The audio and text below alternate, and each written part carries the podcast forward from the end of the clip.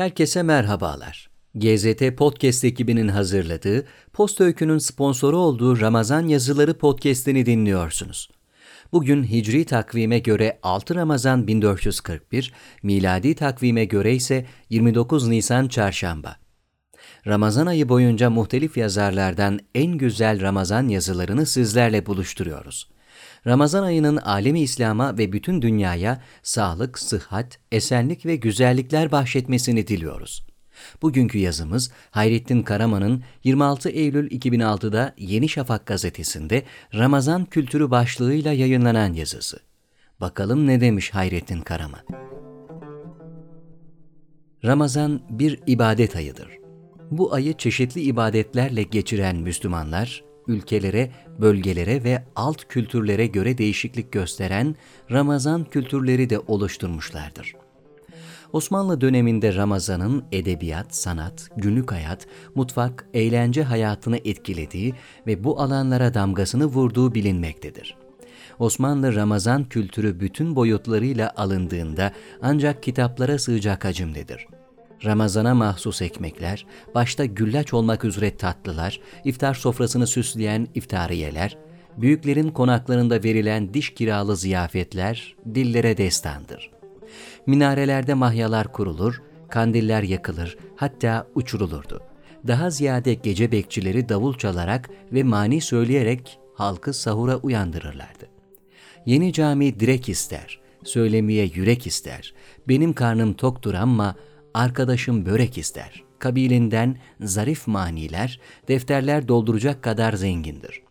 Belli bir zamandan itibaren iftar ve imsak topları da meşhur olmuştur. Benim çocukluğumun geçtiği Çorum'da önce fişe katılır, hemen ardından top gürlerdi. Biz çocuklar bu ilanı büyük bir merakla ve bıkmadan her akşam bekler ve izlerdik sesi güzel müezzinler şehrin uygun camilerinden zikir, salavat, dua gibi metinlerden oluşan ve adına temcit denilen metinleri okuyarak da halkı sahur için uyandırırlardı. Bu o kadar yaygın hale gelmişti ki sahur yerine temcit, sahurda yenilen pilava da temcit pilavı denir olmuştu. İstanbul birçok şeyin olduğu gibi en zengin Ramazan kültürünün de merkeziydi. Burada yapılan belli camilerin avlularında sergiler ve direkler arası gezintileri hala anlatılır. Sergilerde çeşitli ülkelerden getirtilmiş baharat, şeker, şekerleme, tesbih, ağızlık gibi şeyler sergilenir ve satılırdı. Şehzade başındaki direkler arasında ikindi ile akşam arasında çoğu yaya bazıları arabalı genç kadın ve erkekler bir aşağı bir yukarı gezinti yaparlardı.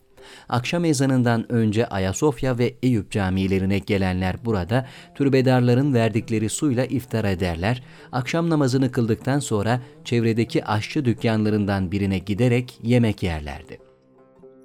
Çağdaş hayat şartları değiştirdi, yeni şartlarda yeni Ramazan kültürü unsurları bulunup hayata geçirilebilirdi. Fakat bu yapılamadı. Eskiler eksik gedik tekrarlanıyor bugünün Müslümanları hocalar kadar sanatçılara da muhtaç durumdadırlar. Edebiyat, musiki, eğlendirici gösteri ve oyunlar, giyim kuşam biçimi, moda alanlarında yetişmiş sanatçılarımız çoğaldıkça ve halkımızın dine yönelişi, din eğitimi yoğunlaştıkça yeni Ramazan kültürleri de oluşacaktır. GZT Podcast ekibinin hazırladığı, Post Öykü'nün sponsoru olduğu Ramazan Yazıları podcast'ini dinlediniz. Bugün sizlerle Hayrettin Karaman'ın 26 Eylül 2006'da Yeni Şafak gazetesinde Ramazan kültürü başlığıyla yayınlanan yazısını paylaştık. Bir sonraki podcast'imizde görüşmek dileğiyle. Hoşçakalın.